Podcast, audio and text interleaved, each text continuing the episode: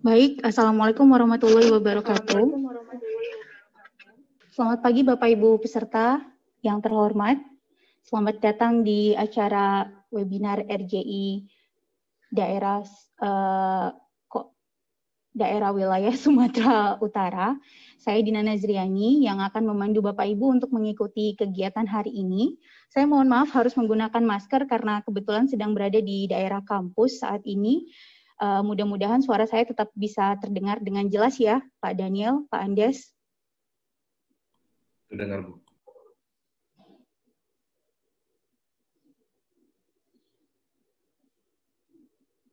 Oke, Bapak Ibu sekalian, saat ini kita akan mendengarkan uh, pemaparan materi mengenai persiapan akreditasi dalam uh, jurnal di jurnal Indonesia. Kemudian nanti kita juga akan cerita banyak tentang uh, bagaimana mendaftarkan jurnal kita ke uh, Digital Object Identifier melalui RJI yang akan disampaikan oleh kedua materi kita hari ini.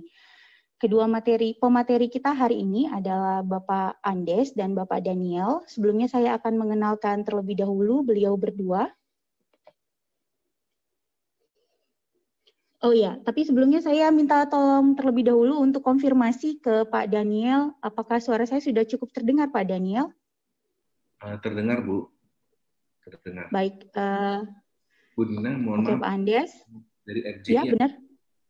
Dari RJI ada Iya Pak. pengumuman dulu dari RJI itu Bu. Iya betul. Tadi saya sudah dengar. Saya nanti kita akan sampaikan sedikit uh, dari RJI sebelum kita sampai kepada materi utamanya. Tadinya sih saya mau mengenalkan Pak Daniel, Daniel dan Andes dulu. Atau kita berikan kesempatan dulu kepada RJI Pusat ya, sebelum kita mulai ya. Baik, silakan. Setuju Pak Daniel dan Pak Andes? Silakan, silakan, silakan. silakan. Oke, baiklah Bapak Ibu peserta yang terhormat, uh, hari ini ada sedikit uh, informasi penting yang akan disampaikan oleh RJI Pusat berkaitan dengan kegiatan uh, relawan jurnal Indonesia. Uh, kepada pengurus RJI Pusat, saya mohon kesediaannya untuk menyampaikan informasinya, Pak.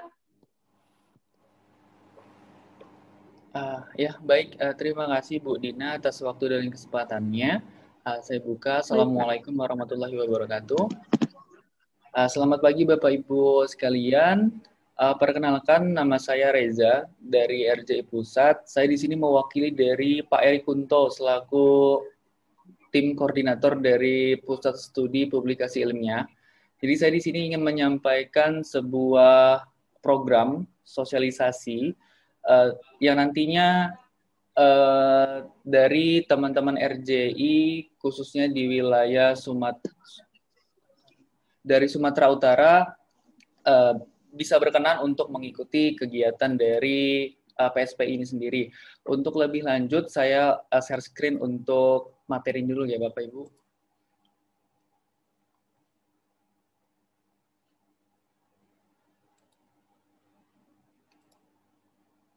Ya, baik. Uh, jadi yang pertama adalah ini program dari dari PSPI Project 2020 yang kemarin tanggal 28 28 Oktober kemarin kita launching program ini yang ber, bertepatan dengan acara RJI untuk negeri yang bedah jurnal selama 12 jam kemarin. Jadi program di sini ada tiga, Bapak Ibu sekalian. Yang pertama adalah call for proposal, paper dengan insentif menulis di media massa. Jadi untuk call for proposal sendiri, kita nanti ada penerimaan dua proposal, di mana masing-masing satu proposal ini mendapatkan hibah dana penelitian sebesar 10 juta rupiah. Dan kemudian untuk paper sendiri, nanti kita uh, 10 artikel terbaik yang mendapatkan reward sebesar 1 juta rupiah. Nah, untuk di call for paper sendiri ini, dia yang nanti tembusannya adalah di pub letter. Jadi nanti Bapak Ibu tidak hanya mendapatkan reward sebesar satu juta ini, tetapi juga nanti Bapak Ibu mendapatkan uh, publikasi, publikasi di pub letter. Nah, yang selanjutnya ialah insentif menulis di media massa nasional dan juga lokal. Dan ini insentif di nasional tujuh setengah dan di lokal sebesar 500 ribu. Jadi nanti Bapak Ibu mempunyai tulisan yang berkaitan dengan tema yang khususnya dengan eksistensi RJI, Bapak Ibu bisa langsung um, mengun upload ataupun nanti media media cetak atau online nanti Bapak Ibu bisa publish di sana terus melampirkan bukti dan nanti Bapak Ibu di awal tahun mendapatkan insentif. Dan kita hanya menerima maksimal maksimal 10 artikel 5 nasional dan 5 lokal. Jadi Bapak Ibu eh, ini kuotanya kalau yang ini terbatas karena siapa cepat eh, dia yang dapat seperti itu. Nah, yang pertama adalah call for proposal. Temanya adalah dampak RJI terhadap publikasi ilmiah di Indonesia. Nah, di sini lembaga pengusulnya ialah bisa dari lembaga pemerintah, universitas, LSM, litbang swasta. Nah, untuk tanggal pengusulan sendiri, karena kita baru launching juga, dan Bapak Ibu punya waktu kurang lebih tiga bulan jika berkenan untuk mengirimkan naskah proposalnya eh, terkait dengan kegiatan PSP ini maksimal tanggal 31 Januari 2021. Nah, tim pengusulan sendiri dia sifatnya tim, yaitu satu anggota administrasi keuangan dan ketua minimal S2 punya jabatan lektor 3 atau peneliti akademis atau praktisi. Nah, untuk nanti kita meng menghimpun proposal-proposal yang ada ini, uh, dua proposal terbaik yang akan kita berikan hibah dana penelitian sebesar 10 juta rupiah. Nah, Bapak Ibu terkait dengan panduan, uh, template tulisan, author guideline, dan semacamnya dapat mengunjungi langsung di laman ini PSPI Panduan Call for Paper proposal underscore. Tapi nanti kalau Bapak Ibu kepanjangan buka ini, Bapak Ibu bisa langsung cross check di website resmi PSPI. Nanti uh, website resmi PSPI saya sampaikan nanti di slide berikutnya. Nah, yang selanjutnya ialah call for paper yang nanti tembusannya outputnya adalah publikasi di Letter. Temanya adalah seputar dengan uh, penulisan riset ilmiah. Jadi ini um, publikasi jurnal, dia penulisan kita meriset tentang uh, publikasi atau tentang riset baik itu kebijakan jurnal, etika, publikasi, open access, hak, hak cipta dan sebagainya. Nanti Bapak Ibu bisa ngeliat di panduan pub letter atau langsung di panduan sini untuk lebih jelasnya apa saja yang menjadi panduan dari call for paper itu sendiri. Nah, tipe artikel risetnya yaitu artikel riset, review dengan komunikasi pendek. Kayak gimana sih uh, template dari tipe artikel review atau komunikasi pendek nanti lebih lanjutnya ada di panduan di panduan call for paper itu sendiri. Nah, template-nya juga bisa ada di letter, tapi nanti lebih lanjutnya semua ada di panduan ini. Sifatnya dia bisa individu atau tim. Tim maksimal 5 orang, Nanti 10 artikel terbaik akan mendapatkan reward sebesar 1 juta rupiah dan juga kesempatan untuk publikasi di Letter, Bapak Ibu. Nah, selanjutnya ialah insentif menulis artikel di media massa. Ini semacam opini ya Bapak Ibu. Eh, pernah nulis untuk di media massa, kurang lebih sama seperti itu. Jadi nanti temanya sebenarnya terkait dengan bagaimana sih eksistensi RJI ini terhadap pengembangan dan pemikiran publikasi ilmiah di Indonesia. Nah, jadi nanti Bapak Ibu bisa mengirimkan tulisan opininya uh, ke redak redaksi di media cetak nasional ataupun lokal. Nanti karena terbatas kita cuman ada lima artikel dari nasional dan juga lokal. Jadi Bapak Ibu kesempatan ini memang uh, terbatas jadi siapa cepat dia yang dapat untuk mendapatkan uh, total insentif uh, insentif dari masing-masing tulisan gitu. Dari nasional tujuh setengah dan lokal lima ratus ribu rupiah. Dan nanti panduan lengkapnya Bapak Ibu bisa cek langsung di PSBI panduan insentif menulis. Nah selanjutnya adalah ini Bapak Ibu terkait dengan website PSPI. Kalau jadi panduan tadi terkait dengan ketentuan penulisan, outdoor guideline, dan semacamnya, Bapak Ibu bisa langsung cross-check di pspi.relawanjurnal.id di home events-nya di sini. Nanti Bapak Ibu menemukan ada tiga, tiga kegiatan, yaitu call for paper, proposal dengan insentif menulis di media massa. Bapak Ibu bisa pilih salah satu, apa yang menjadi ketertarikannya, apa yang menjadi minatnya, nanti Bapak Ibu bisa segera mengirimkan karya terbaiknya untuk mengikuti di PSPI Project 2020 ini. Saya rasa itu saja Bapak Ibu penjelasan mengenai uh, project dari PSPI 2020. Harapannya ini menjadi sebuah sebuah batu loncatan untuk meningkatkan kemampuan dan kapasitas Bapak Ibu dalam menulis dan ini memberikan wadah juga untuk para penggiat publikasi ilmiah yang ada di Indonesia. Itu saja dari saya Bapak Ibu. Terima kasih Bu Diana atas waktu dan kesempatannya. Uh, saya kembalikan lagi kepada moderator. Sekian, wassalamualaikum warahmatullahi wabarakatuh. Ya, waalaikumsalam warahmatullahi wabarakatuh. Terima kasih Pak uh, atas sosialisasi yang telah diberikan. Saya rasa itu program yang sangat menarik sekali dan bisa diikuti oleh siapa saja ya Pak. Bukan hanya pengelola jurnal ya. Iya, betul Bu. Jadi tadi uh, panduannya bahkan mahasiswa sekalipun bisa ikut berkontribusi seperti itu. Oh ya, baik. Mudah-mudahan banyak yang ikut serta dalam kegiatan ini dari Sumatera Utara karena saat ini yang terdaftar di uh, webinar ini adalah ada sekitar 120-an orang yang berasal dari banyak universitas lain yang ada di Sumatera Utara dan juga Bahkan ada yang dari luar Sumatera nanti yang bergabung melalui live YouTube-nya. Jadi mudah-mudahan bisa uh, didengar oleh banyak orang dan bisa banyak yang mengikuti. Ya, baik. Terima oh, kasih sekali ya. lagi. Bu Dina, uh, ya, jadi mohon izin nanti saya uh, sedikit nanti apa namanya ngasih info di kolom chat ya untuk mungkin nanti ada dari Bapak Ibu yang belum hadir nanti bisa ngelihat di kolom chat itu. Untuk info. Boleh Pak, ya, ditunggu. Nah, Dengan senang hati. Nah, Terima kasih Pak. Terima kasih Bu Dina. Iya, terima kasih kembali Pak. Baik, Bapak Ibu sekalian, tadi adalah informasi yang sangat menarik dari RJI Pusat dan kami berharap Bapak Ibu bisa bergabung sehingga kita bisa memanfaatkan uh, program yang telah dirancang oleh RJI Pusat. Uh, sekarang kita akan masuk ke dalam acara inti di webinar kali ini. Tapi izinkan saya sebelumnya menjelaskan sedikit kerangka materi hari ini. Uh, pertama, kita nanti akan mendengarkan pemaparan dari Bapak Daniel Agustinus mengenai persiapan akreditasi. Kemudian nanti akan dilanjutkan oleh Bapak Andes. Uh, untuk tanya jawabnya, Bapak Ibu bisa menuliskan langsung di kolom chat yang tersedia, atau bisa juga langsung mengaktifkan mikrofon Bapak Ibu sekalian uh, untuk bisa langsung dijawab oleh pemateri.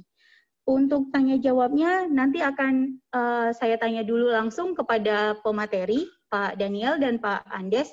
Apakah nanti peserta boleh langsung menginterupsi di tengah-tengah materi Pak atau disediakan di akhir saja? Uh, kalau menurut saya Bu Dina di akhir materi saja nanti Bu. Oke, okay. ya. baik. Kalau begitu. Mana tahu lebih enaknya ada yang langsung diinterupsi, takutnya pesertanya lupa. Kalau gitu, Bapak Ibu silakan nanti uh, menyiapkan materi uh, pertanyaannya di akhir uh, materi yang telah disampaikan oleh Pak Andes dan Pak Daniel. Oke, untuk kesempatan pertama, kita akan mendengarkan pemaparan materi mengenai persiapan akreditasi oleh Pak Daniel Augustinus. Maaf Pak, jika ada kesalahan penyebutan nama. Baik, terima kasih Bu. Ya. Iya, uh, saya saya izin perkenalkan terlebih dahulu Pak Daniel. Silakan Bu. Baik, Pak Daniel ini adalah pengelola jurnal yang saat ini berada di universitas yang saat ini uh, berada di bawah naungan Universitas Pelita Harapan Kampus Medan. Dua jurnal yang berada satu di bidang akuntansi manajemen, uh, namanya JAMI, benar Pak Daniel? Hmm. Dan satu lagi adalah jurnal di bidang event management dan yang keduanya dikelola di bawah uh, Universitas uh, Pelita Harapan Kampus Medan. Untuk yang jurnal yang berada di uh, dalam kajian event management dikelola bersama dengan UPH Kampus Medan bekerja sama dengan Asosiasi Internasional Bidang Event Management. Sehari-hari beliau mengajar di Prodi Manajemen Universitas Pelita Harapan Kampus Medan dengan spesialisasi pariwisata perhotelan. Saat ini beliau adalah pengurus di RJI Wilayah Sumatera Utara dan di bagian Divisi Pendampingan Akreditasi. Mudah-mudahan perkenalan yang saya sampaikan cukup menggugah para peserta sekalian untuk menyampaikan pertanyaan yang banyak kepada Pak Daniel, karena beliau adalah pengelola uh, di jurnal UPH, dua jurnal UPH dan juga adalah pengurus wilayah Sumatera Utara. kepada Pak Daniel, saya berikan kesempatan untuk menyampaikan materinya sekitar 30 menit ya Pak Daniel. Ya, terima kasih Bu. Baik, silakan Pak Daniel, boleh share screen juga. Terima kasih. Ya, Bapak Ibu sekalian. Terima kasih untuk uh, perkenalan yang sudah diberikan oleh Bu Dina. Uh, saya izin bahwa yang mungkin yang saya akan sampaikan pada kesempatan ini di awal adalah terkait dengan review form ya tentang terkait dengan pembuatan review form. Kemudian nanti Pak Andes akan melanjutkan dengan bagaimana tentang akreditasi dan ditutup dengan setting DOI ya. Uh, jadi hari ini Bapak Ibu uh, saya mohon izin untuk sharing ya Bapak Ibu sebenarnya apa yang uh, mau saya sharingkan adalah tentang review form ya. Dan ini menarik sekali karena jarang dibahas sebenarnya di berbagai macam webinar karena kesannya memang terlalu teknis ya Bapak Ibu. Nah, saya coba mau ngajak Bapak Ibu sekalian yang sama-sama mengelola jurnal di sini atau mungkin ada yang mau menulis artikel di jurnal dan ingin tahu gimana sih uh, dapurnya dari uh, pengelolaan jurnal, kita bisa sharing-sharing bersama di sini. Uh, untuk hari ini, hari ini sendiri, ya yang tujuan pembahasan kita dari review itu ada beberapa. Pertama kita memahami definisi review, kemudian mengetahui proses keseluruhan penerbitan seperti apa, mengetahui berbagai bentuk review, memahami bagaimana proses review secara umum. Saya ambil contoh hari ini adalah di OJS 2 Bapak Ibu. Kemudian untuk mampu membuat form eh, review di jurnal OJS 2 dan terakhir kita memahami apa hubungan review dan akreditasi jurnal Bapak Ibu. Ya, saya saya mungkin mulai dengan ini dulu, ya Bapak Ibu. Jadi sebenarnya apa itu peer review ya? Eh, peer review itu adalah secara umum adalah kegiatan Bapak Ibu yang dilakukan untuk menjaga integritas ilmu pengetahuan. Jadi artikel-artikel yang kita tulis, mungkin ada peneliti-peneliti tulis, kemudian dipublikasikan, salah satu persyaratan bahwa itu diakui sebagai eh, bagian dalam membangun ilmu pengetahuan adalah telah melalui proses kajian kajian akademis ya. Nah, kajian akademis ini mungkin Bapak Ibu tahu uh, salah satunya adalah melalui pilar-pilar dari adanya uh, penilaian dari rekan sejawat. Ya, itu yang kita sebut dengan bahasa Inggrisnya peer review. Nah, kegiatan ini dirancang untuk memeriksa validitas, kualitas, juga originalitas artikel yang akan dipublikasikan. Nah, tujuan utamanya adalah uh, dari segi penerbitan ini memilah artikel yang kualitasnya kurang baik dan tidak valid tidak valid dalam artian tidak sesuai dengan jurnal yang kita kelola atau tidak sesuai dengan eh, nilai-nilai uh, mungkin yang yang kita tetapkan untuk jurnal yang kita kelola tersebut. Sehingga penulis nanti bisa mendapatkan jawaban untuk uh, apakah dia memindahkan artikel itu ke tempat lain gitu. Nah, kemudian sebagai penerbit fungsi utama dari pelaksanaan peer review ini adalah menyortir.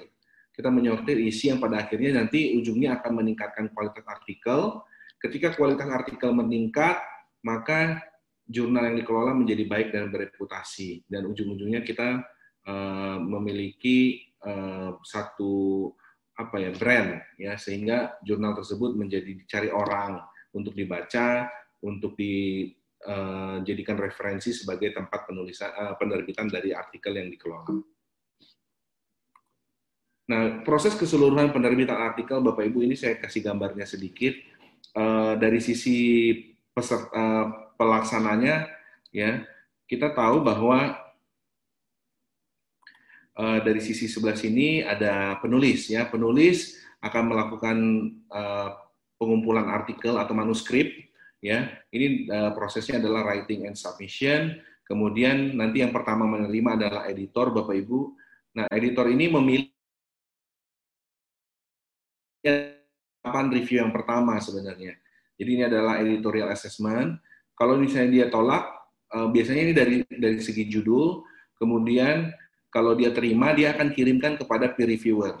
Nah, peer reviewer ini sifatnya adalah yang tadi yang kita sudah bahas sebelumnya memilah dan menyortir. Kemudian peer review ini akan menolak juga kalau misalnya dia nggak cocok.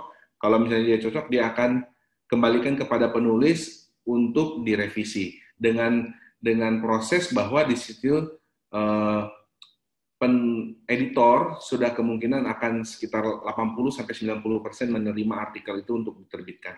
Kemudian apabila dia sudah direvisi, maka akan dilakukan tahapan berikutnya tahapan production yaitu ada proofreading, kemudian ada uh, penerbitan.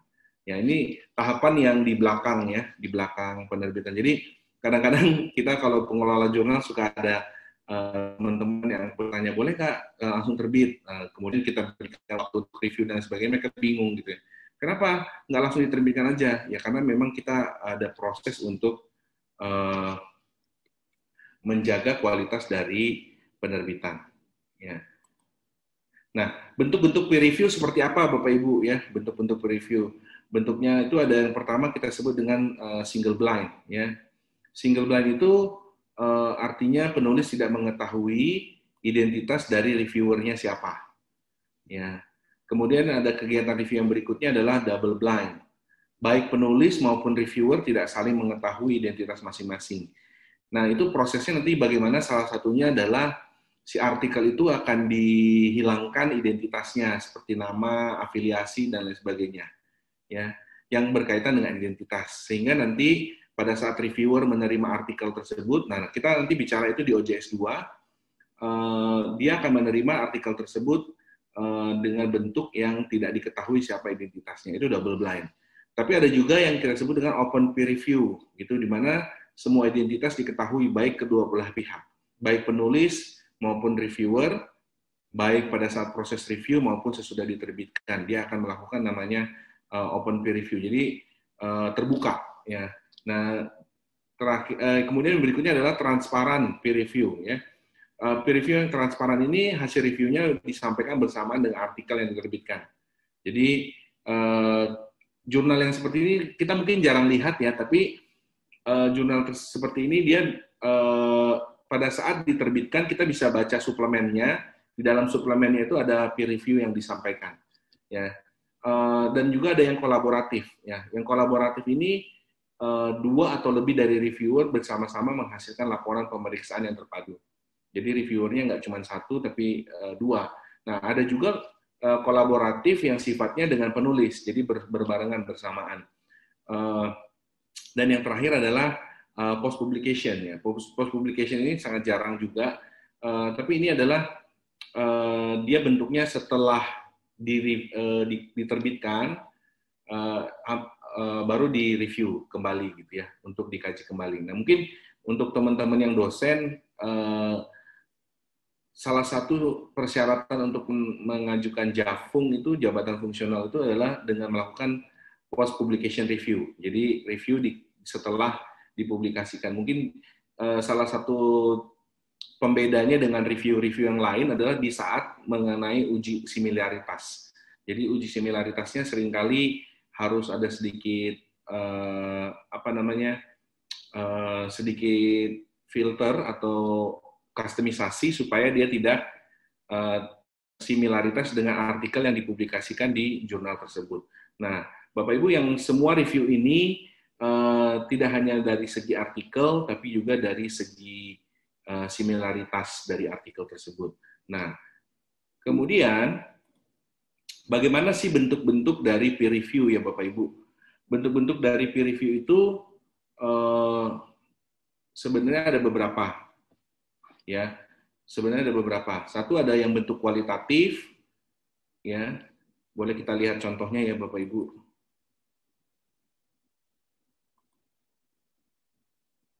Sebentar saya buka dulu.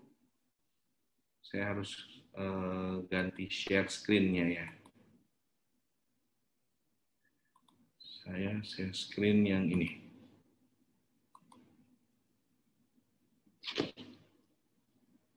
Ya, ini contohnya Bapak Ibu. Jadi ini uh, bentuknya kualitatif. Maksudnya kualitatif itu isiannya banyakkan adalah eh, komentar-komentar. Jadi dari nama judul, autor. Nah ini ini kalau misalnya dia single blind ini dihapus.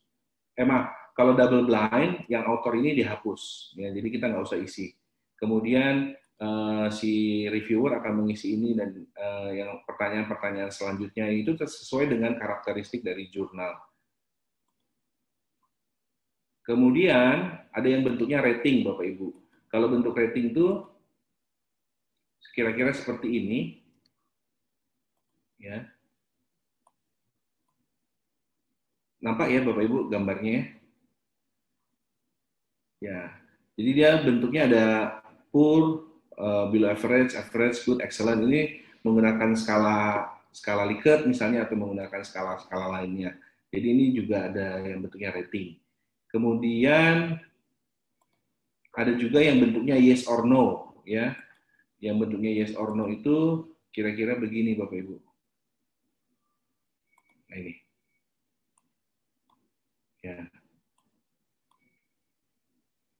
Jadi pertanyaan-pertanyaannya itu dijawab dengan yes or no.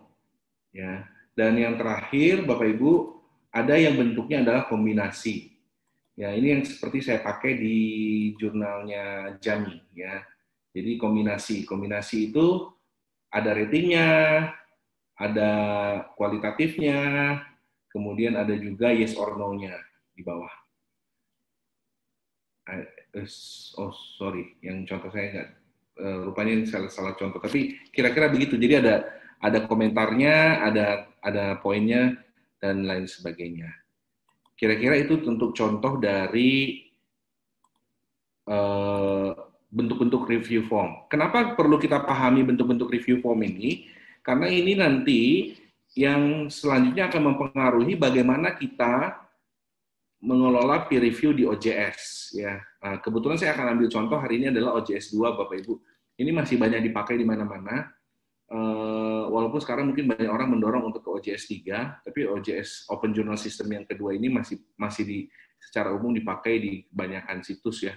Dan Kenapa uh, tidak di, dilakukan porting gitu ya, pemindahan ke OJS 3? Banyak yang berkomentar adalah ketika servernya dipindahkan itu terjadi banyak sekali permasalahan ya uh, dan untuk yang jurnal-jurnal cukup lama mungkin agak repotan ya untuk memindahkan kalau nggak uh, punya waktu yang cukup. Nah, jadi kalau peer review di OJS itu ditentukan Bapak Ibu, kalau Bapak Ibu lihat di setup di setup itu sama dengan OJS 3 juga. Di setup itu kita ada pilihan di poin 2.2 untuk memasukkan tentang review policies. Jadi aturan dari policies-nya seperti uh, reviewnya apa. Jadi yang kita masukkan itu yang pilihan ini tadi, ya. Bentuk peer review-nya itu apa? Kita masukkan misalnya di sini adalah blind review, single blind. Kemudian review guideline-nya itu kita taruh di bawahnya ini, ya. Intinya adalah yang mau kita taruh adalah bagaimana sebenarnya proses dari review itu sendiri berlangsung. Dan kita perlu tuliskan ini di di OJS kita atau di jurnal yang kita kelola sebagai bagian dari uh, transparansi publikasi. Nanti ujung-ujungnya uh, akreditasi yang akan dibahas oleh Pak Andes sesudah ini. Jadi uh, menjadi penting untuk ditaruh di sini Bapak Ibu. Nah, Kemudian di bawahnya lagi setelah itu akan ada pertanyaan-pertanyaan seperti ini di OJS 2. Review prosesnya itu seperti apa? Apakah dia ada standar review proses? Apakah dia email attachment? Bedanya adalah kalau standar review proses itu semua dilakukan di dalam sistem, Bapak Ibu. Semua dilakukan di dalam OJS, berarti editor atau reviewer harus login ke dalam OJS itu sendiri. Ya, kalau yang email attachment biasanya link-linknya akan dikirim melalui email ya dan ini uh, saya, saya punya pengalaman bapak ibu untuk email attachment ini uh, kalau kita tidak perhatikan di server sering kali kita kelupaan dan akhirnya email itu tidak terkirim email tidak terkirim reviewer tidak baca editor tidak baca akhirnya adalah jurnal dikomplain oleh eh, penulis artikel kenapa artikel saya lama sekali karena proses dari email itu tidak berjalan dengan baik nah jadi uh, silahkan itu konsultasi dengan expert IT di tempat Bapak Ibu sekalian seperti apa. Tapi yang kedua ini punya kelebihan dan kelemahan. Yang pertama itu kelemahannya adalah mungkin banyak orang jurnal A, jurnal B, setiap jurnal password sama ya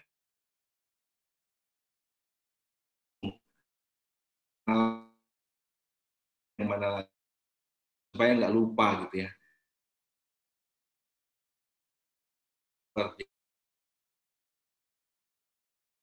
Nggak kita dengan baik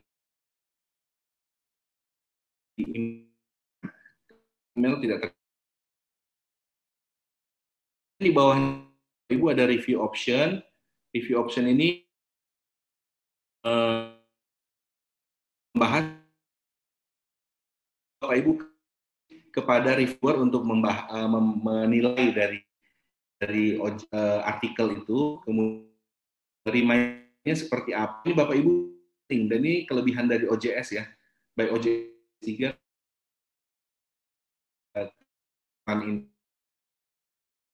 apakah kita jadi review yang sudah default bisa kita nyalakan kalau kita maka akses klik reviewer akses ada nanti link yang bisa generate sistem. Kali lagi ini Bapak Ibu untuk fitur-fitur seperti ini harus diskusi dengan orang IT di megang server ya, karena server itu ada adanya firewall, jadi sering kita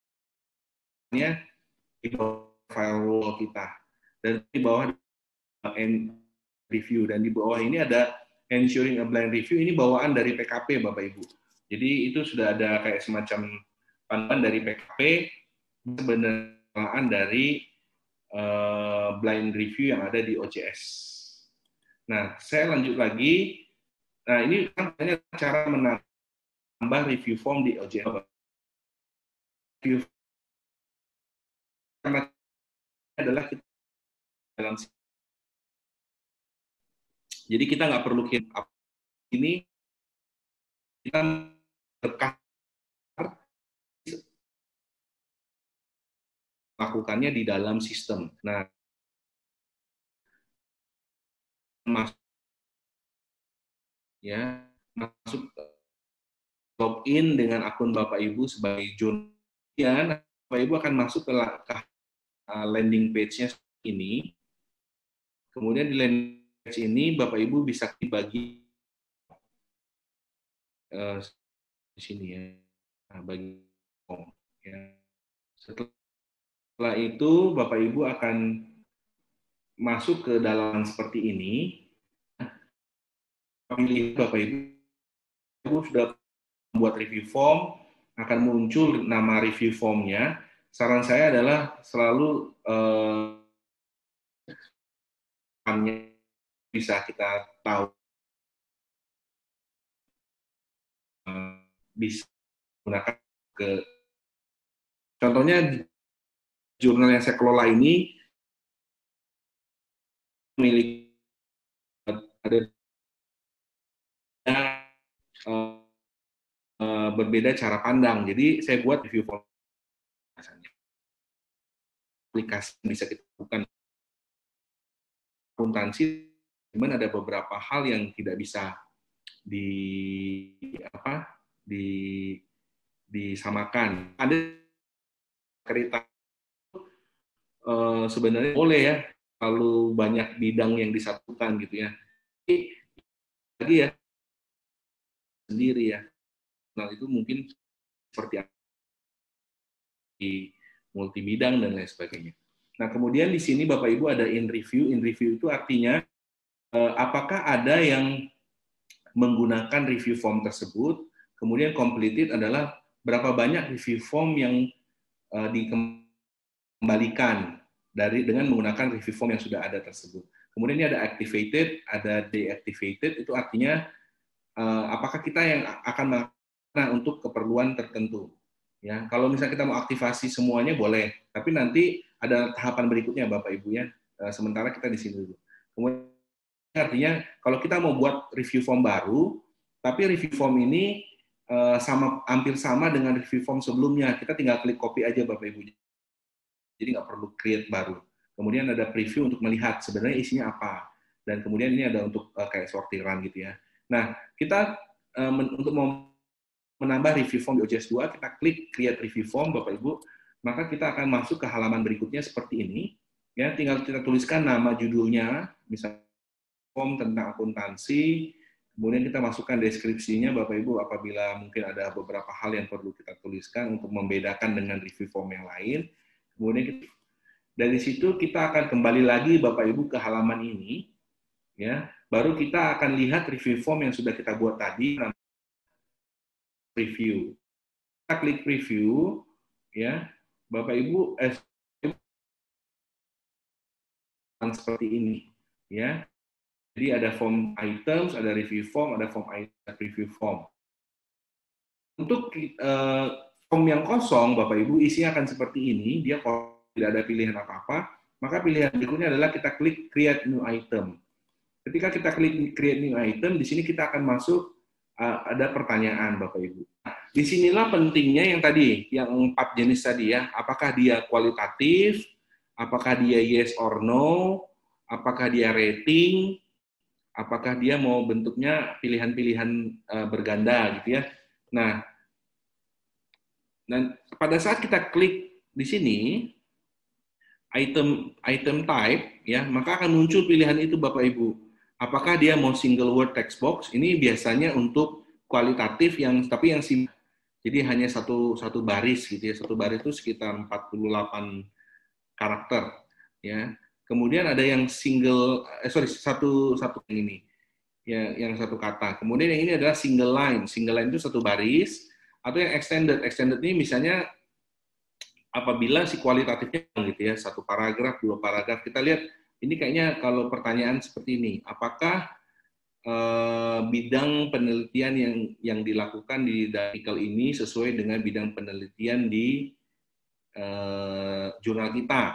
Maka itu biasanya bisa masuk ke single word aja. Tapi kalau misalnya pertanyaannya bagaimana cara memperbaik eh, meningkatkan kualitas eh, metodologi dalam artikel ini, maka itu mungkin bisa masuk ke yang extended text box Bapak Ibu. Ya.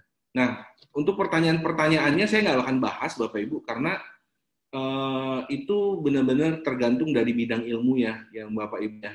Uh, mungkin Bapak Ibu harus diskusi dengan editor karena setiap editor memiliki preferensi sendiri dan juga jurnal tersebut juga memiliki preferensi sendiri. Tapi yang mau saya bahas adalah terkait dengan bagaimana penggunaan ininya, kotaknya itu ya. Kemudian tadi ini yang uh, kualitatif ya, yang tiga ini Bapak Ibu, yang word, line atau extended. Kemudian ada yang checkbox, yang checkbox ini bisa kita pakai untuk yang rating ya. Atau yang uh, sorry, yang yes or no ya checkbox ini kita bisa pakai untuk yes or no karena ini bentuknya pilihan uh, tapi bisa Bapak Ibu modifikasi kalau ada kreativitas tertentu. Kalau yang ini radio button ini yang tadi saya bilang rating satu uh, pilihan yang sudah pasti gitu ya. Uh, jadi dalam bentuk uh, poin. Kemudian ada berikutnya adalah drop down drop down box. Ini biasanya kita bisa pilih untuk pertanyaan-pertanyaan uh, pilihan berganda ya multiple choices ya. Nah, kemudian setelah kita jadi, Bapak Ibu, eh, form itu akan kembali nanti Bapak Ibu akan kembali lagi ke halaman yang ini. Nah, pertanyaannya setelah kita udah punya form bagaimana? Ya, setelah kita punya form, maka kita harus lanjut ke pengelolaan. Ini contohnya ada satu artikel, terus artikel itu eh, ini kita sudah selesai yang tadi nih membuat form ya.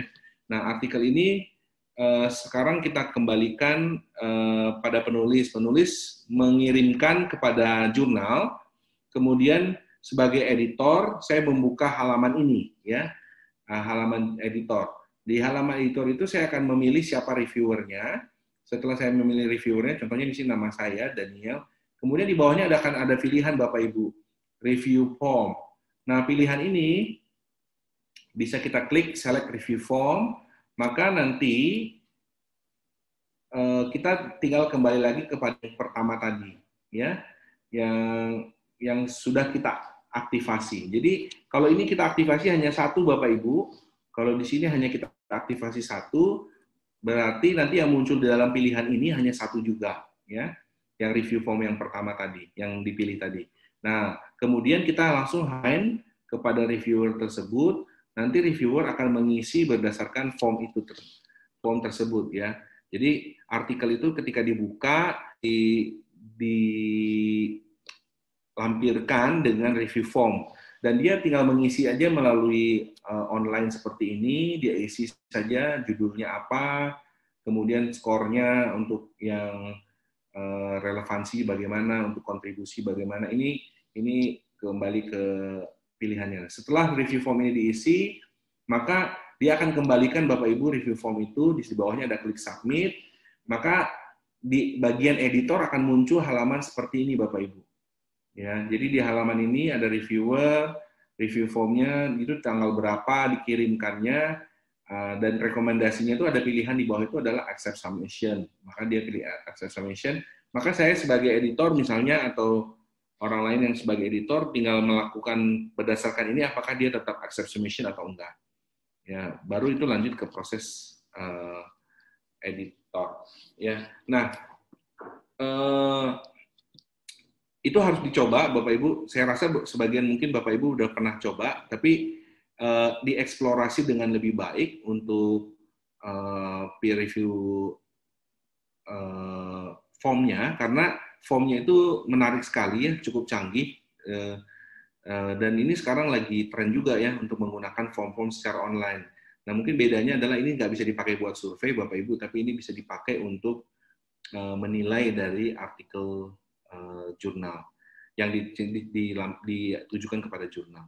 Nah, hubungannya apa Bapak Ibu ya review tersebut dengan akreditasi jurnal? Nanti lebih banyak Pak Andes akan cerita tentang ini. Uh, tapi saya mau ambil dari panduan yang dilaku, dilampirkan di Arjuna bahwa untuk jurnal yang akan terakreditasi itu harus mencantumkan persyaratan etika publikasi. Nah, etika publikasi ini di dalamnya ini adalah termasuk salah satunya adalah review form Bapak Ibu.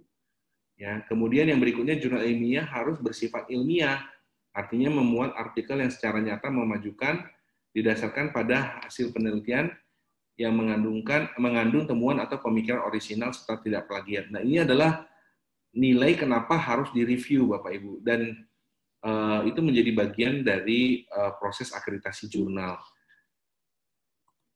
Nah, terus kemudian yang berikutnya adalah Bapak Ibu itu juga termasuk menjadi syarat indeksisasi, yaitu yang dimiliki oleh Garuda.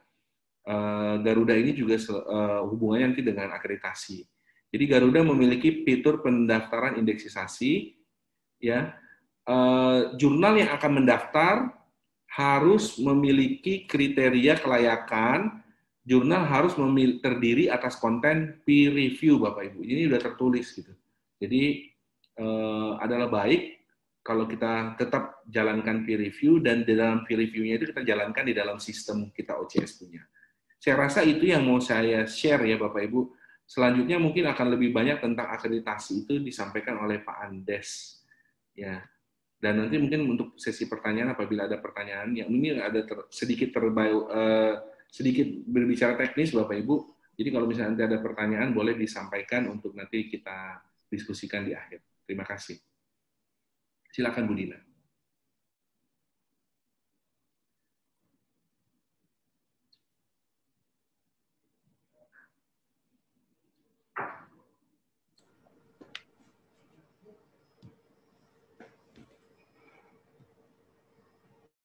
Ya, Bu Dina.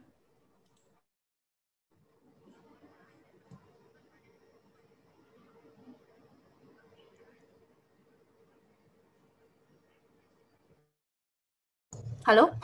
Ya, baik Pak Daniel. Ya, baik Pak Daniel. Ya, baik Pak Daniel. Ya, baik Pak Daniel. Halo Pak Daniel. Ya, ya. Saat ini ada beberapa pertanyaan yang sudah sampai ke saya. Apakah mau dijawab sekarang Pak Daniel? Boleh, boleh. Bu, boleh. Boleh izin Pak Anies ya? Biar mungkin yang teknis-teknis ya. Boleh. Silakan Bu. Ya.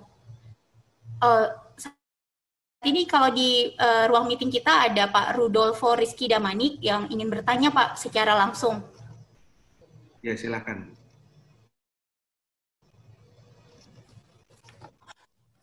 Baik silakan Pak Rudolfo.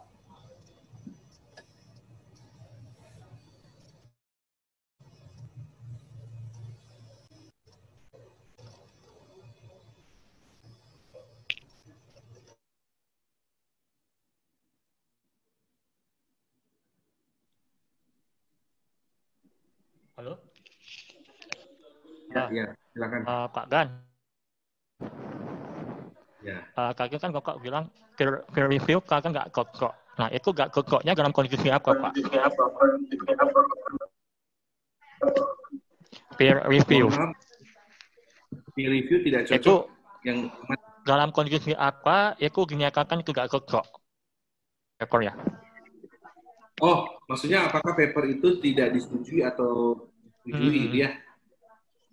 Nah, jadi Bapak eh, Bapak Ibu ini eh, untuk menentukan apakah paper tersebut disetujui atau tidak disetujui ini memang eh, murni kewenangan dari jurnal tersebut ya, otoritasnya. Jadi dari temanya, misalnya di di awal ada namanya publication guideline ya, jadi panduan dari publikasi. Jurnal tersebut temanya apa, ya, kemudian subtemanya apa, bidang yang dikajinya apa, itu tertulis semua di di apa dari panduan dari jurnalnya. Jadi eh, tidak cocok itu dalam artian reviewer mengambil keputusan dari situ Bapak Ibu. Tapi tentunya eh, tadi ada pilihan yang kolaboratif ya. Jadi nggak nggak nggak selalu harus dari satu reviewer. Bisa jadi ada dua reviewer dan juga ada intervensi dari editor Bapak Ibu di situ. Jadi Eh, mungkin bisa melalui nanti apabila ada yang hal mungkin dirasa kurang cocok oleh editor bisa saja sih di di review kembali dengan reviewer yang lain. Begitu ya Pak Rodolfo. Jadi ini kembali lagi kepada panduan atau guideline yang ditentukan oleh jurnal tersebut. Apakah dia misalnya contohnya dia bidangnya akuntansi kemudian ada artikel ya artikelnya ini adalah eh, terkait dengan eh, keuangan ya literasi gitu ya keuangan. Eh, ternyata pada saat dibaca lebih lanjut di dalamnya keuangan ini literasi ini rupanya eh, mungkin bicara tentang aplikasi komputer gitu ya. Nah reviewer itu akan menentukan dari jurnal yang dia kelola itu, eh, sorry yang dikelola oleh editor ini, apakah segaris atau sehubungan dengan yang bidang itu bisa jadi ditolak gitu, jadi tidak cocok. Mungkin itu ya dari saya jawabannya. Mungkin Pak cukup ya Pak Arudo. Iya, mungkin Bu Rina silahkan. Ini ada pertanyaan tentang peer review, Pak. Ya, ya silakan Bu. Pertanyaannya dari Pak Santosa Wijayanto. Eh, beliau bertanya, apakah hasil peer, peer review dibolehkan untuk diupload di Google Drive atau harus di jurnal penerbit?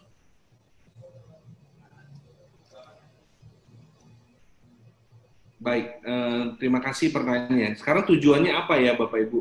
Eh, kalau misalnya begini Pak Santosa, kalau misalnya tujuannya adalah kembali lagi ke yang tadi ya, eh, dia adalah open review, maka itu biasanya sebaiknya di jurnal penerbitnya. Tapi kalau tujuan untuk Jafung yang saya tahu terakhir-terakhir ini eh, itu masuknya ke yang paling bawah ya open publication itu untuk eh, apa namanya repository jadi supaya bisa diakses oleh penilai yang lain gitu ya. Eh, penilai eksternal. Google Drive memang lebih terbuka Bapak Ibu dibandingkan dengan kita punya server sendiri ya. Jadi ini eh, pertanyaan pertanyaan Santosa ini hubungan eh, saya rasa kembali ke teknisi. Pertama, apakah eh, jurnal tersebut adalah open review? Kalau dia open peer review berarti harus diupload ya di jurnalnya. Tapi kalau dia bukan open peer review, Bapak Ibu, eh, berarti tidak perlu diupload. Tapi mungkin ada keperluan untuk external reviewer melihat, gitu ya, seperti keperluan Jafung, maka pilihannya adalah diskusi dengan IT. Apakah itu boleh ditaruh di server atau boleh ditaruh di repository yang luar, salah satunya Google Drive. Mungkin itu ya Bu Dina ya.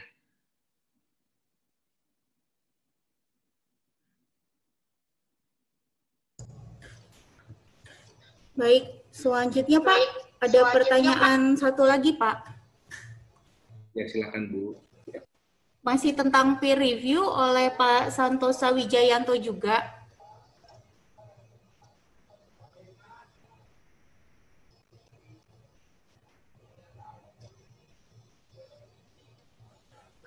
Silakan Bu. Baik, eh, pertanyaannya adalah apakah peer review boleh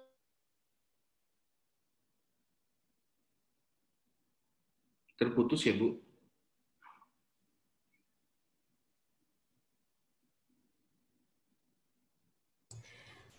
Halo Pak. Ya Bu, silakan. Ya, apakah peer review boleh dilakukan oleh orang di luar penerbit jurnal? Baik, terima kasih. Kalau kalau kita lihat di panduan akreditasi jurnal di Ar- Arjuna ya Bapak Ibu, mitra bestari itu justru didorong harus dari luar dari pengelola jurnal. Tapi eh, dalam hal ini adalah mitra bestari itu harus eh, bahasa Indonesianya mitra bestari ya Bapak Ibu peer reviewer. Jadi eh, mitra bestari ini harus sebidang ilmu, harus sebidang ilmu dengan eh, eh, jurnal yang dikelola. Jadi eh, apakah boleh dari luar? Boleh ya. Dan eh, kalau nggak salah eh, prinsipnya itu adalah dia dari justru malah dari bukan pengelola jurnal itu sendiri. Tapi nanti lebih jelasnya ini diakreditasi sih Bapak Ibu eh, eh, apa eh, kaidah-kaidah etika etikanya. Kemudian mungkin eh, saya mau tambahkan itu ada pertanyaan di chat room juga dari Bu Evi ya. Eh, peer review mana yang paling baik nilainya gitu ya. Nah, eh, peer review yang paling baik nilainya adalah peer review yang diati pelaksanaannya Bapak Ibu. Jadi eh, sebenarnya silahkan dipilih saja mau itu eh, eh, open, mau dia single blind, mau dia double blind. Yang paling penting adalah yang dituliskan itu yang dijalankan. Karena banyak kejadian jurnal dianggap predatory itu karena dia menuliskan blind review tapi kenyataannya di dalamnya tidak dilakukan gitu. Dan ini nanti bisa diketahui pada saat akreditasi sih. Salah satunya begitu. Eh, jadi mereka bisa lihat dari lognya, dari catatan-catatan di dalam aplikasi OJS-nya itu sendiri. Ya, saya rasa itu dari saya ya, Bu Dina. Mungkin kita langsung lanjut ke Pak Andes ya.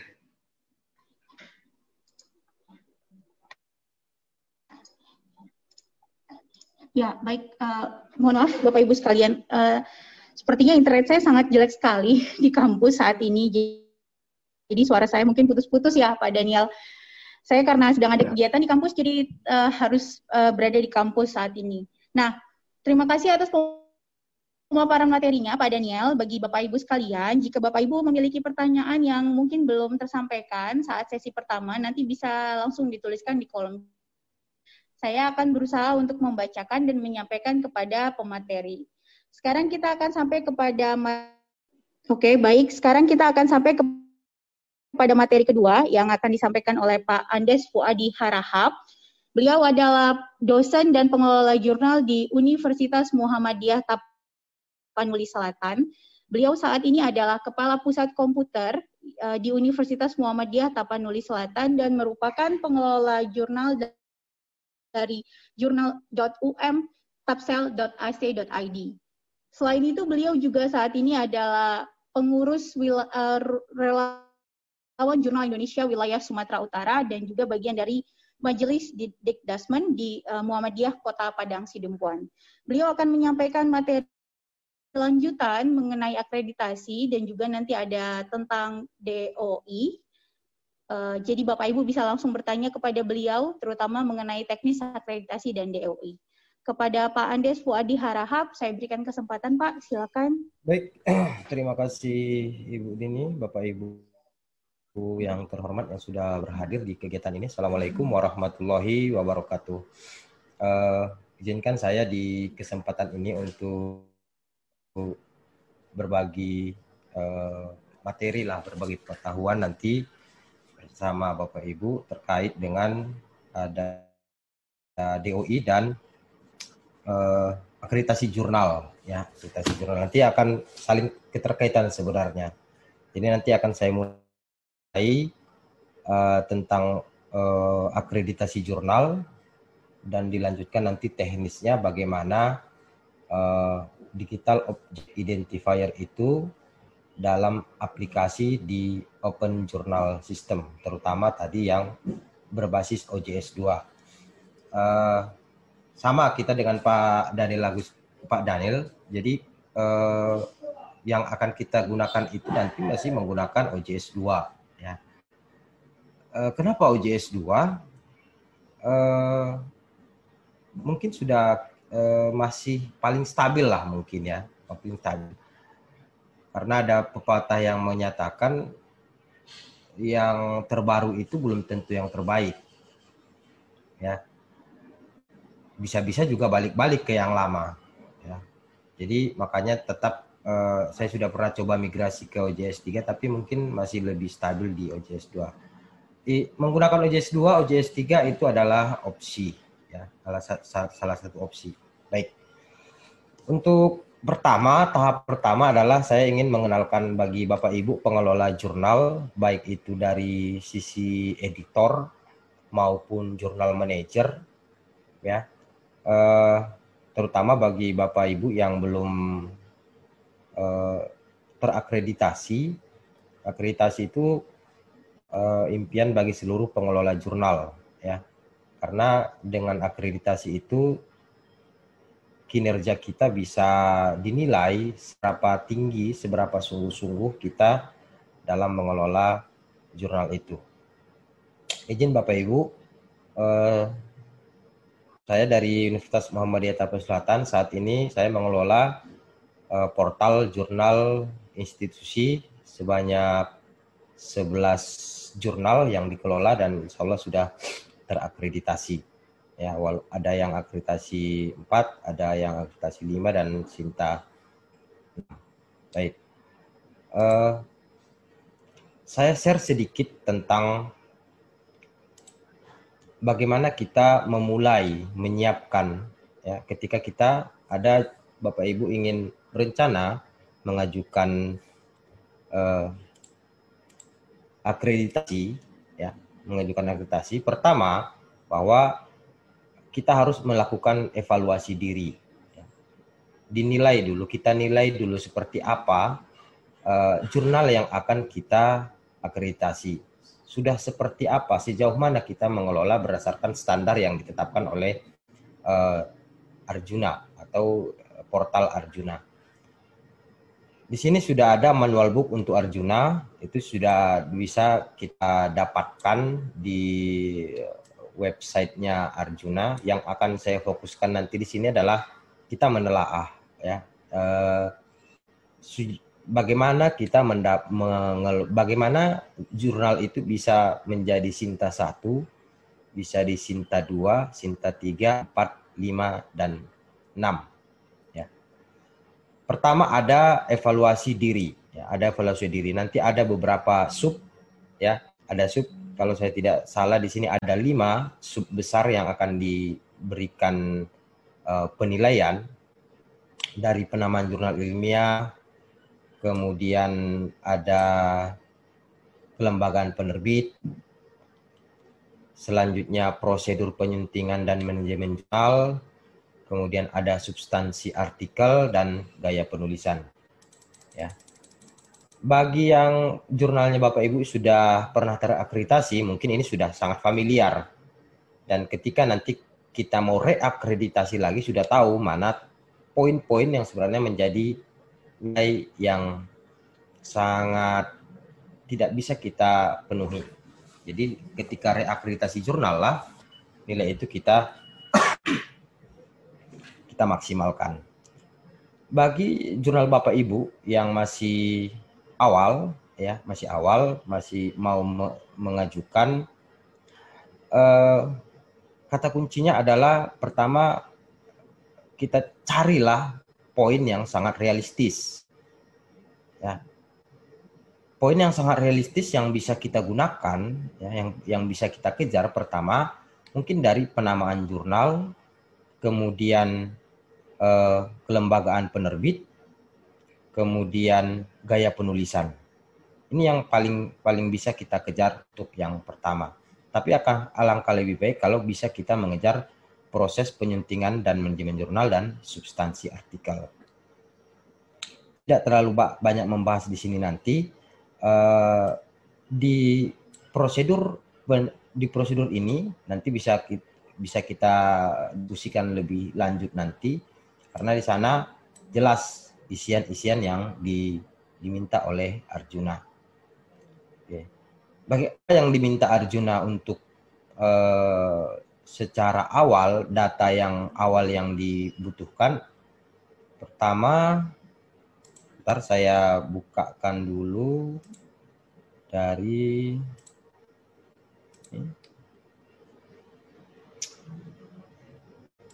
nih Arjuna ya. ketika kita ingin mengajukan artik apa jurnal kita mau kita uh, reg, uh, ajukan untuk akreditasi pertama ya kita ajukan melalui uh, portal Arjuna Ristek Dikti.go.id sampai saat ini masih ini mungkin yang menggunakan belum Kemendikbud. Ya. Kalau belum ada akun silahkan kita daftar. Ya kalau sudah punya akun ya silahkan kita masuk ke akun.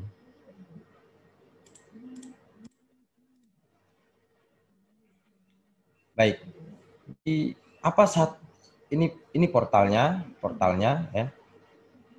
Apa data dasar ya data dasar yang sangat dibutuhkan ya sangat dibutuhkan ketika kita ingin mengajukan akreditasi ya pertama ya data dasar yang bisa kita lihat di sini Bentar. Salah satu contoh terakhir yang sudah uh, ada datanya di sini, saya punya di satu login ini ada delapan jurnal. Kemudian data dasarnya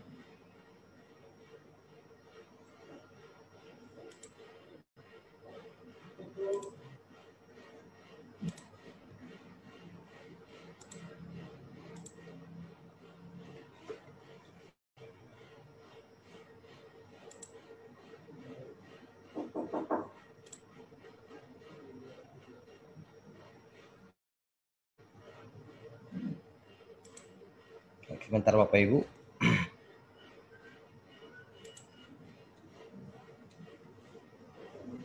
Ya, misal ini ya, salah satu jurnal yang kita kelola juga namanya jurnal linguistik. Ya, data dasar yang sangat dibutuhkan oleh Arjuna pertama adalah nama jurnalnya. Itu nama jurnalnya harus sesuai dengan apa yang sudah didaftarkan di ISSN. Nih. Jadi apa nama yang tertulis itu harus copy paste.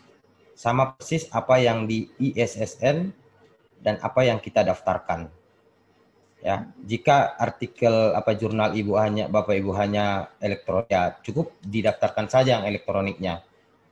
Dan jika dia uh, ada juga dalam edisi print atau edisi cetak ada juga bisa didaftarkan juga untuk edisi printnya.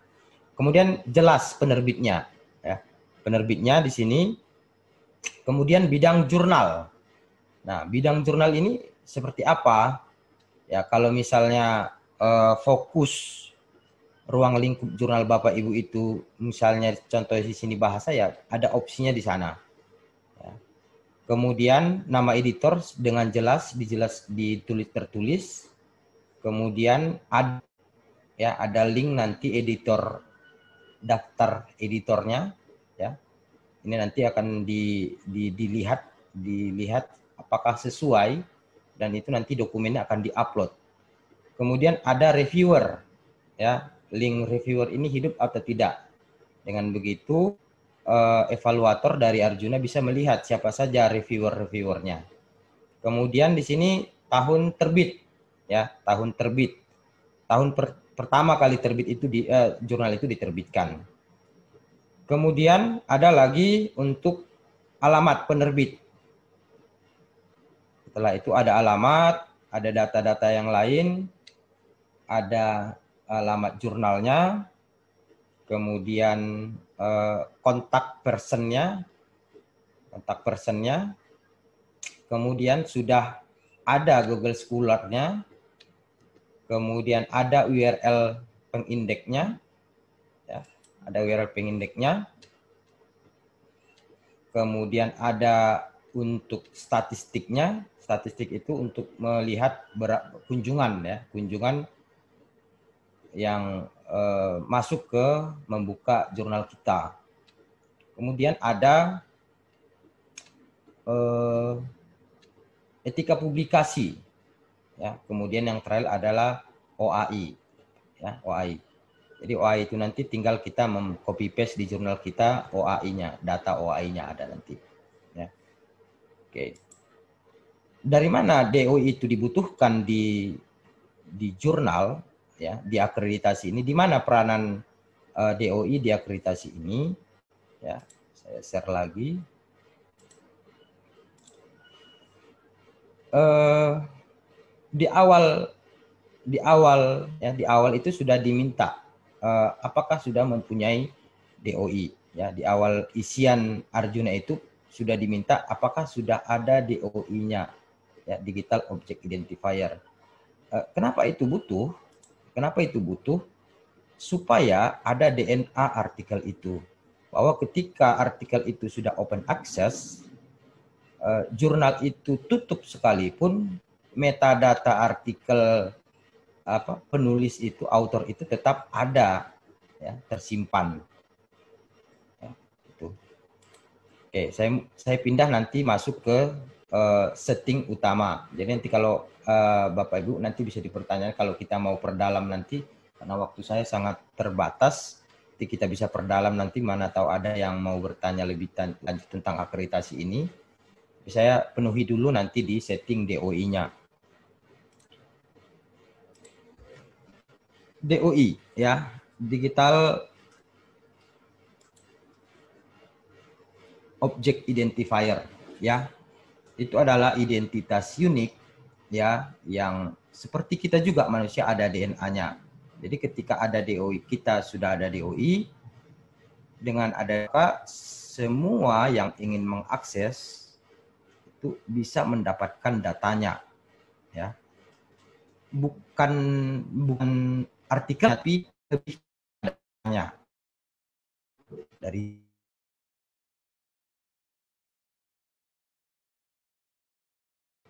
ataupun abstraknya semua ada di direkam oleh DOI. Jadi ketika sudah ada DOI, uh, jurnalnya tutup, jurnalnya tidak beroperasi lagi, uh, author tidak dirugikan.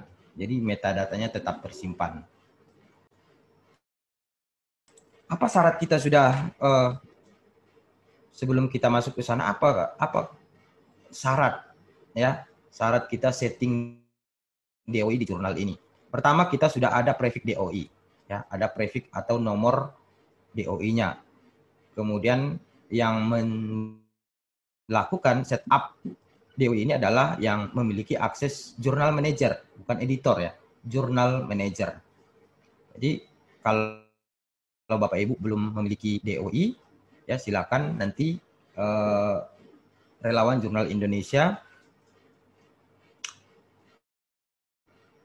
bisa memfasilitasi Bapak Ibu pengelola jurnal yang ingin mendapatkan DOI dengan harga yang eh, sangat jauh berbeda, tentunya lebih murah daripada harus mendaftarkan sendiri ke Crossref.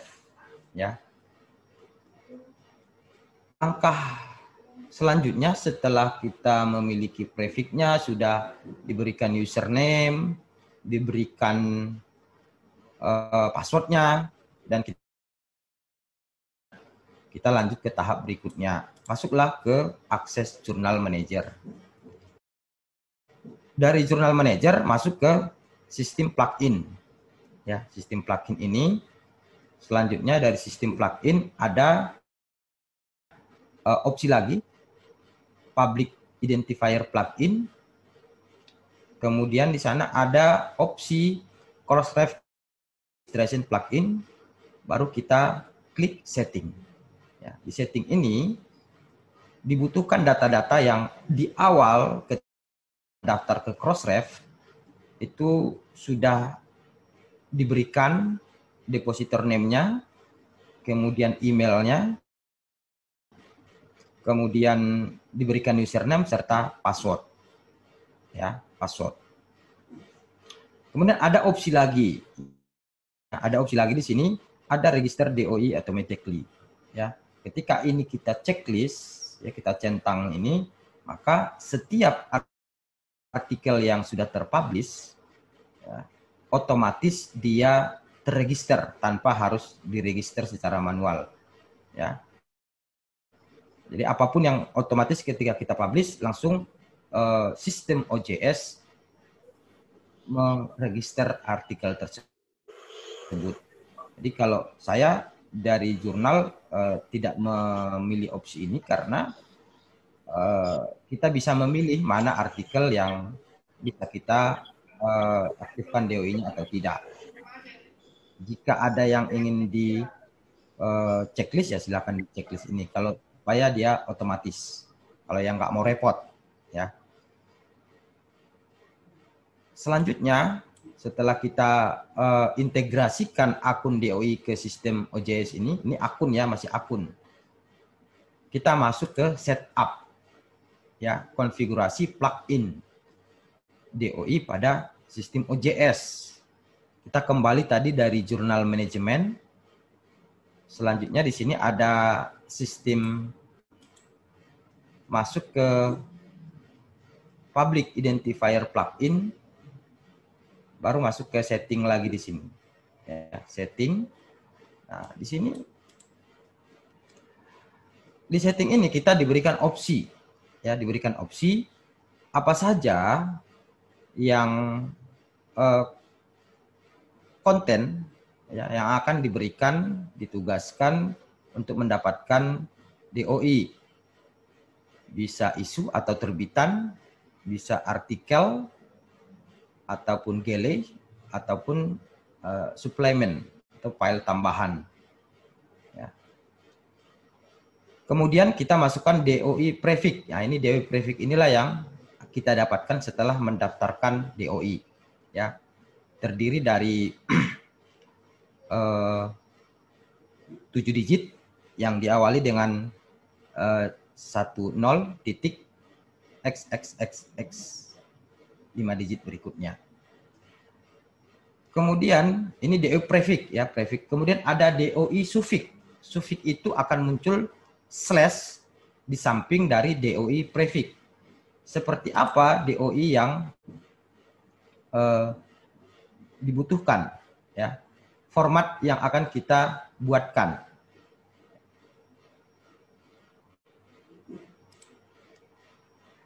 Ya. Di sini ya di sini uh, di Sofik ini bisa kita setting dengan custom yang kita miliki sendiri ya atau yang sudah pattern yang sudah di ada bawaan dari uh, eh, OJS. Jadi setiap ini misalnya ya, misalnya di sini dia sudah memberikan uh, cara membuat patternnya ya. Persen titik J contoh ini ya contoh saya buat persen titik J berarti ini nama jurnalnya akan dipanggil nama jurnalnya. Kemudian titik kemudian V itu volumenya. Kemudian persen kemudian uh, isunya. Kemudian titik baru halamannya jadi dia akan mengam, meman, meminta uh, enam jurnal, kemudian volumenya, kemudian isu dan halamannya. Atau kalau tidak mau repot-repot, ada di sini opsi pattern yang sudah secara default diberikan. Ya. Kemudian terakhir di sini ada reasin uh, eh, DOI. Jadi ini bisa kita klik kalau kita ingin mengganti pattern yang sudah ada. Tapi ketika kita sudah mensubmit pattern pertama, misalnya opsi pertama, kemudian kita buat opsi kedua lagi dan kita reasiin, ya, uh, tidak bisa lagi diganti yang sudah lama itu. Ketika kita sudah publish DOI, maka itu tidak bisa diganti lagi. Itu sudah menjadi milik umum, ya. Yang bisa diganti adalah yang akan datang. Selanjutnya kita masuk ke register konten. Ya, register konten. Bagaimana kita meregister artikel-artikel yang sudah ada. Ada tadi secara otomatis sudah saya sampaikan di awal. Itu kalau secara otomatis. Kemudian ada manual melalui sistem OJS. Kalau manual melalui sistem OJS, kita klik dulu Journal Manager, manajemen. Kemudian di sana ada import dan export data. Kemudian di sana ada opsi lagi Crossref Export Registration Plugin. Ini kita klik.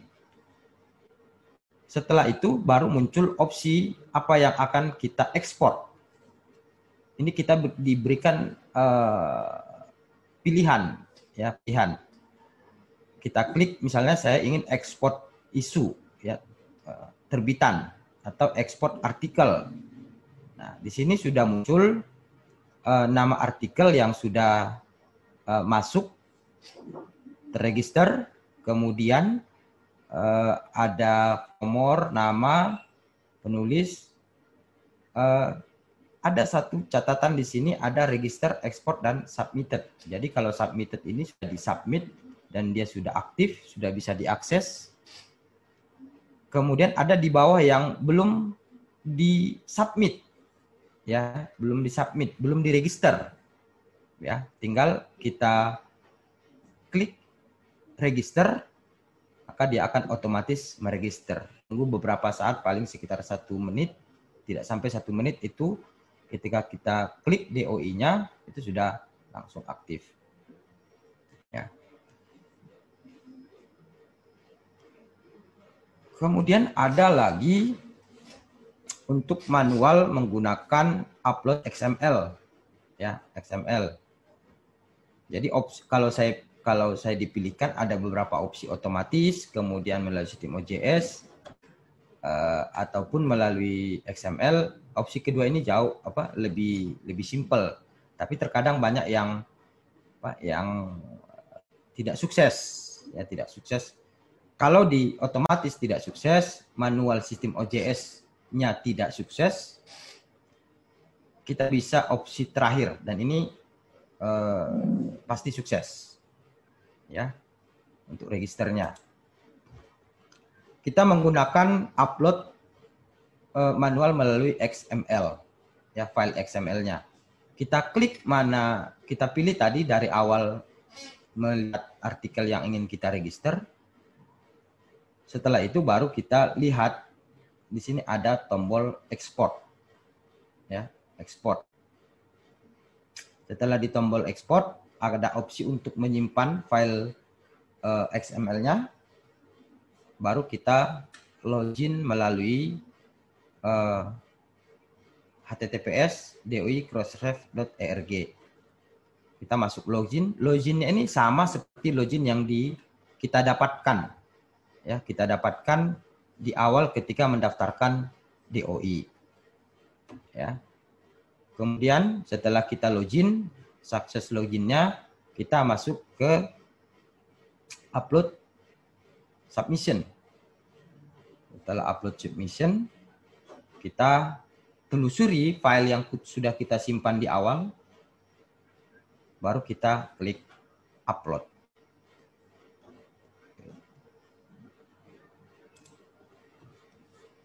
Setelah selesai, kita sudah aktivasi dan uh, artikelnya sudah aktif, bisa diakses, ya, bisa diakses, maka selesaikanlah buka portal di DOI relawanjurnal.id kalau tadi mendaftarnya dari uh, eh, RJI ya dan silakan kita masukkan depositnya. Jadi kalau deposit ini kita setorkan di awal beberapa deposit di sini minimal satu juta lima ratus untuk deposit dan itu akan otomatis berkurang ya saat kita mengaktifasi uh, artikel ataupun isu di jurnal kita.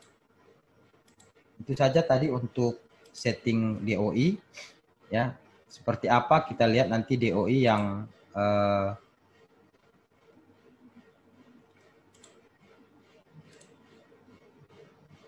DOI jurnal yang misal di sini saya kasih contoh DOI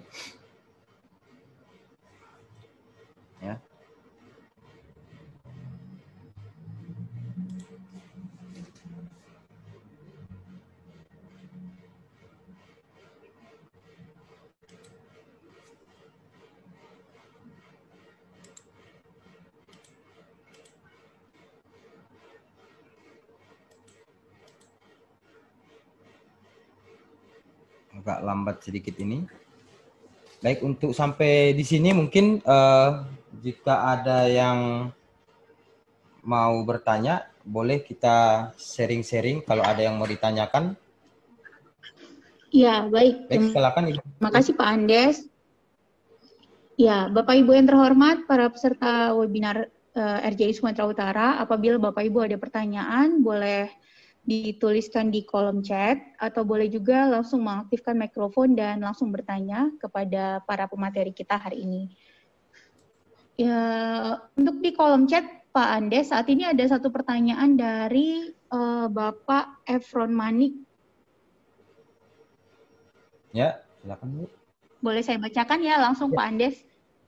Efron, sebentar, sebentar. Ya, jika kita menggunakan edisi khusus, saya coba bacakan Pak. Iya, saya Di atas Pak, lihat. kelihatan nggak Pak?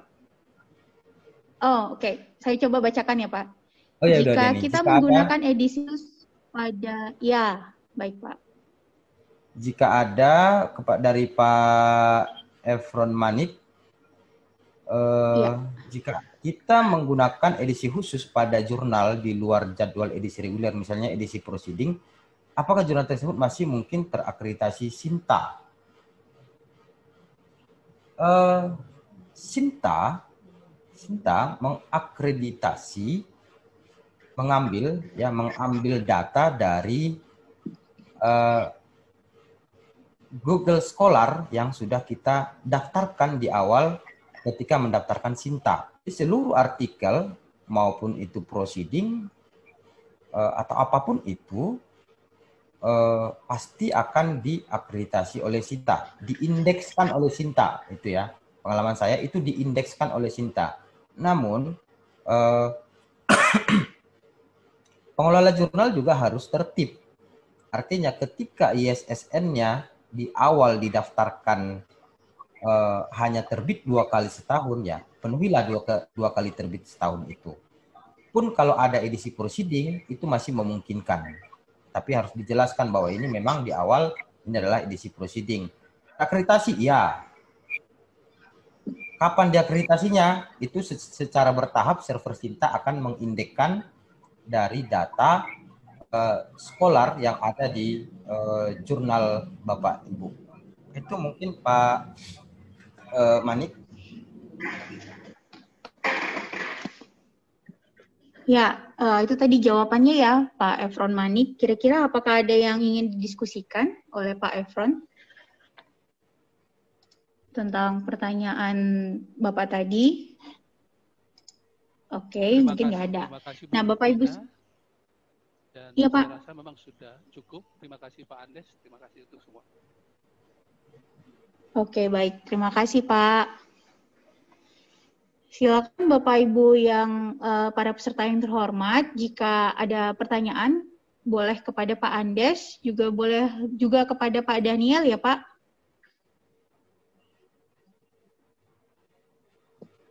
Mungkin kalau ada beberapa Bapak Ibu di sini yang sudah me- pengelola jurnal, ya mungkin itu sudah sangat eh, satu kewajiban khusus ya.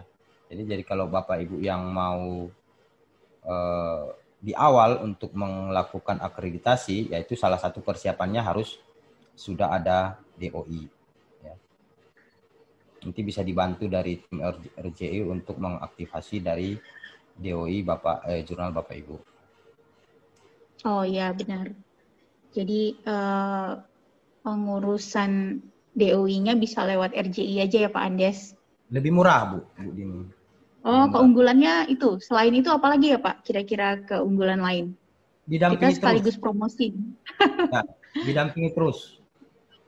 Eh, Ya. Selain murah, saya tidak salah ada institusi tetangga kita kemarin itu ngurus sampai dengan hampir eh, 10 digit untuk satu alamat DOI.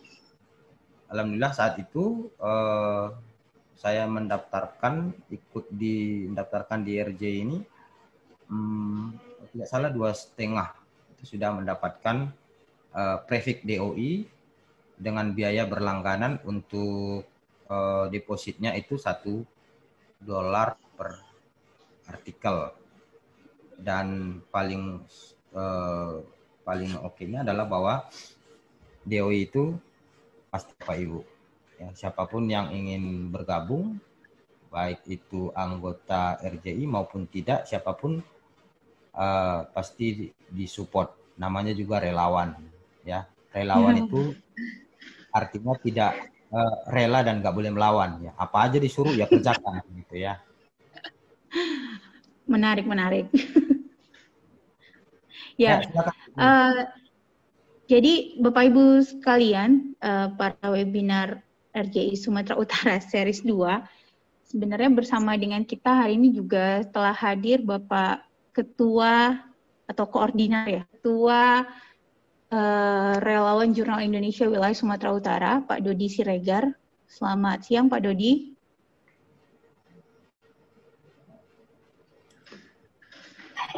Ya, selamat siang Bu Dina. Ya, apakah ada yang bisa ditambahkan Pak untuk kegiatan kita hari ini? Apakah ada pesan-pesan tertentu yang ingin Bapak sampaikan?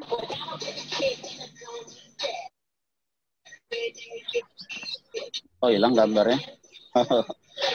Kalau tambahan, saya pikir sudah cukup materinya. Uh, dua pemateri kita ini kan memang sudah ahli di bidang-bidang itu mereka sudah cukup lama mengelola jurnal. Cuma saya izin untuk menyapa beberapa teman yang selalu setia dengan RJI gitu ya. Walaupun tidak semua nanti saya sapa karena tidak semua juga kelihatan kelihatan ini menggunakan nama yang sebenarnya. Saya sapa dulu Ibu Evi Irianti, Bu Dokter, apa kabar Bu? ini Alhamdulillah. Ini Bu Evi. Alhamdulillah. Ya. Ini Ibu Evi ini dari Poltekkes Medan, uh, jurnal kebidanan. Luar biasa juga ini semangatnya mengelola jurnal. Semoga bermanfaat dan uh, Bapak Ibu sekalian, tunggu event kami berikutnya sekitar dua minggu yang akan datang. Dua minggu yang akan datang itu kita mengadakan webinar lagi dan selamat bergabung sudah dari tadi juga Pak Mesran ini dari Universitas Budi Dharma, Pak, Pak Epron dari ya Pak Epron dari Nomensen. Selamat Pak, selamat bergabung ya Pak Epron. Pak siapa lagi ini ya? Uh, Bu Nur Betty, Sinulingga, Pak Tande, ini udah yang nggak asing lagi, ini orang sudah berkibar di Sumatera Utara bahkan nasional. Bu, Bu Joli juga. Wah, salam takjim.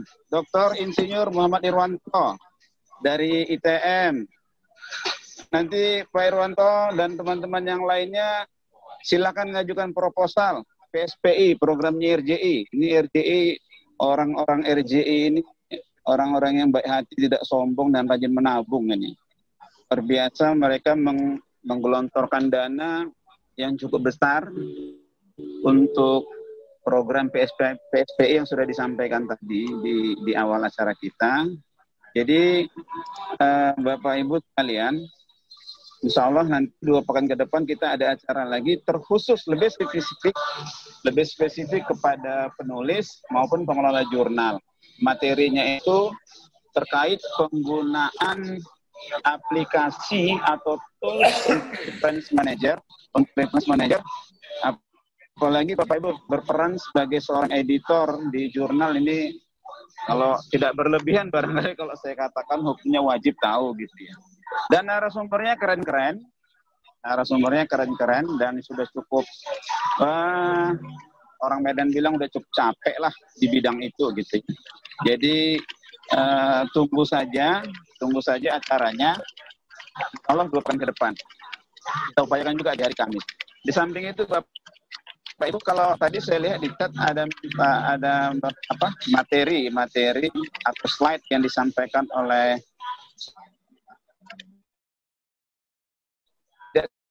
itu saja uh, ini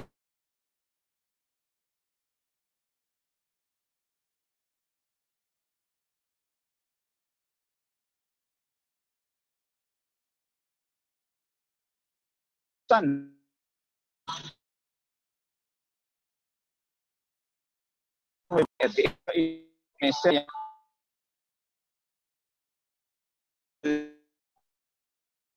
hari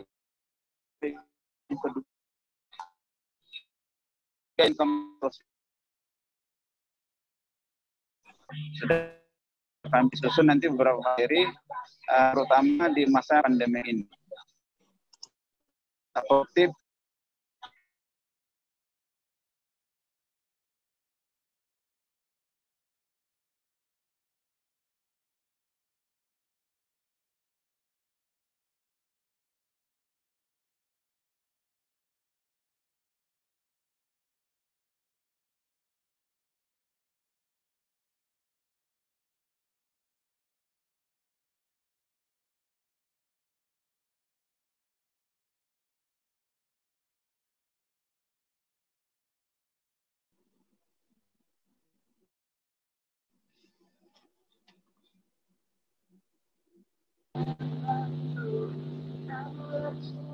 Saya kembalikan ke Bu Dina.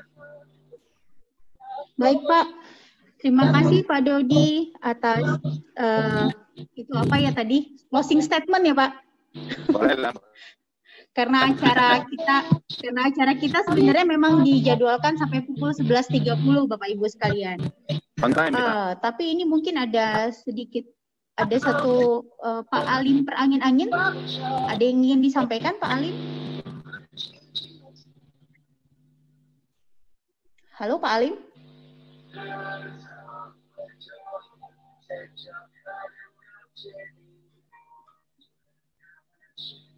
Salah. Oke, salah mungkin pencet. salah pencet ya. Absen, absen, Ya, ab- oke absensi baik. kehadiran Bu Dina Eh, agar diingatkan lagi. Baik, Bapak Ibu sekalian, di kolom chat kami telah mengirimkan tautan daftar hadir untuk eh, webinar kali ini. Silakan Bapak Ibu isi, karena nanti yang mendapatkan sertifikat adalah yang mengisi daftar hadir tersebut ya Bapak Ibu. Itu eh, kemudian untuk materi slide materi narasumber hari ini telah langsung dibagikan oleh narasumber kita di kolom chat. Silakan Bapak Ibu download masing-masing untuk bisa digunakan eh, sesuai dengan keperluan masing-masing. Oke, karena jam telah menunjukkan pukul eh, 11.30, saya rasa sudah dan tidak ada pertanyaan lagi dari para dan tidak ada pertanyaan lagi dari para peserta. Uh, saya rasa kita sudah bisa mengakhiri uh, kegiatan hari ini uh, untuk webinar yang dilaksanakan oleh RJI Sumut Series 2 ini. Bapak Ibu juga masih bisa mengakses rekaman dari webinar ini di YouTube RJI. Benar begitu ya kan Pak Dodi? Iya benar Bu, benar. Benar. Benar, oke. Baik, Bapak Ibu sekalian, uh, dari Pak Daniel dan dari Pak Andes, apakah ada closing statement yang ingin disampaikan?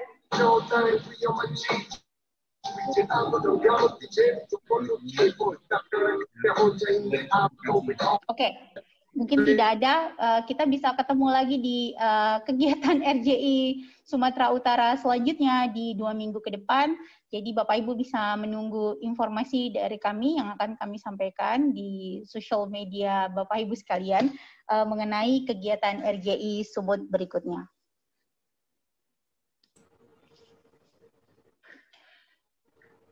Uh, Oke, bagi Bapak Ibu yang ingin bergabung di uh, WA Group Relawan Jurnal Indonesia, sebenarnya nanti bisa langsung menghubungi Pak Dodi untuk bertanya mengenai uh, bagaimana cara bergabung dalam kegiatan uh, RJI Sumatera Utara. Karena di, Pak Dodi ini ada beberapa orang yang bertanya di kolom chat bagaimana bergabung di RJI, Pak Dodi.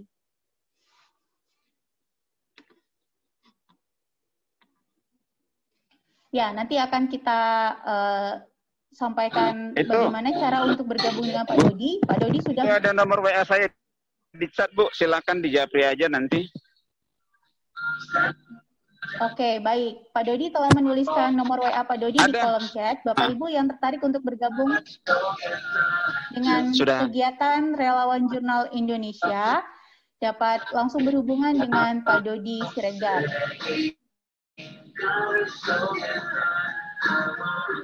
Baik, Bapak Ibu sekalian, eh, untuk itu Sekali lagi saya mengucapkan terima kasih atas kehadiran para peserta dalam kegiatan webinar RJI hari ini. Sampai bertemu di kegiatan webinar RJI Sumatera Utara selanjutnya yang masih dengan topik yang menarik. Uh, saya beserta dengan Pak dengan para narasumber Pak Daniel Augustinus dan Pak Andes Poadi uh, mohon undur diri dari uh, kegiatan kali ini. Mohon maaf jika ada penyambutan atau pelaksanaan teknis yang tidak berkenan di Bapak Ibu sekalian. Semoga di lain waktu kami dapat uh, melaksanakan kegiatan secara lebih baik.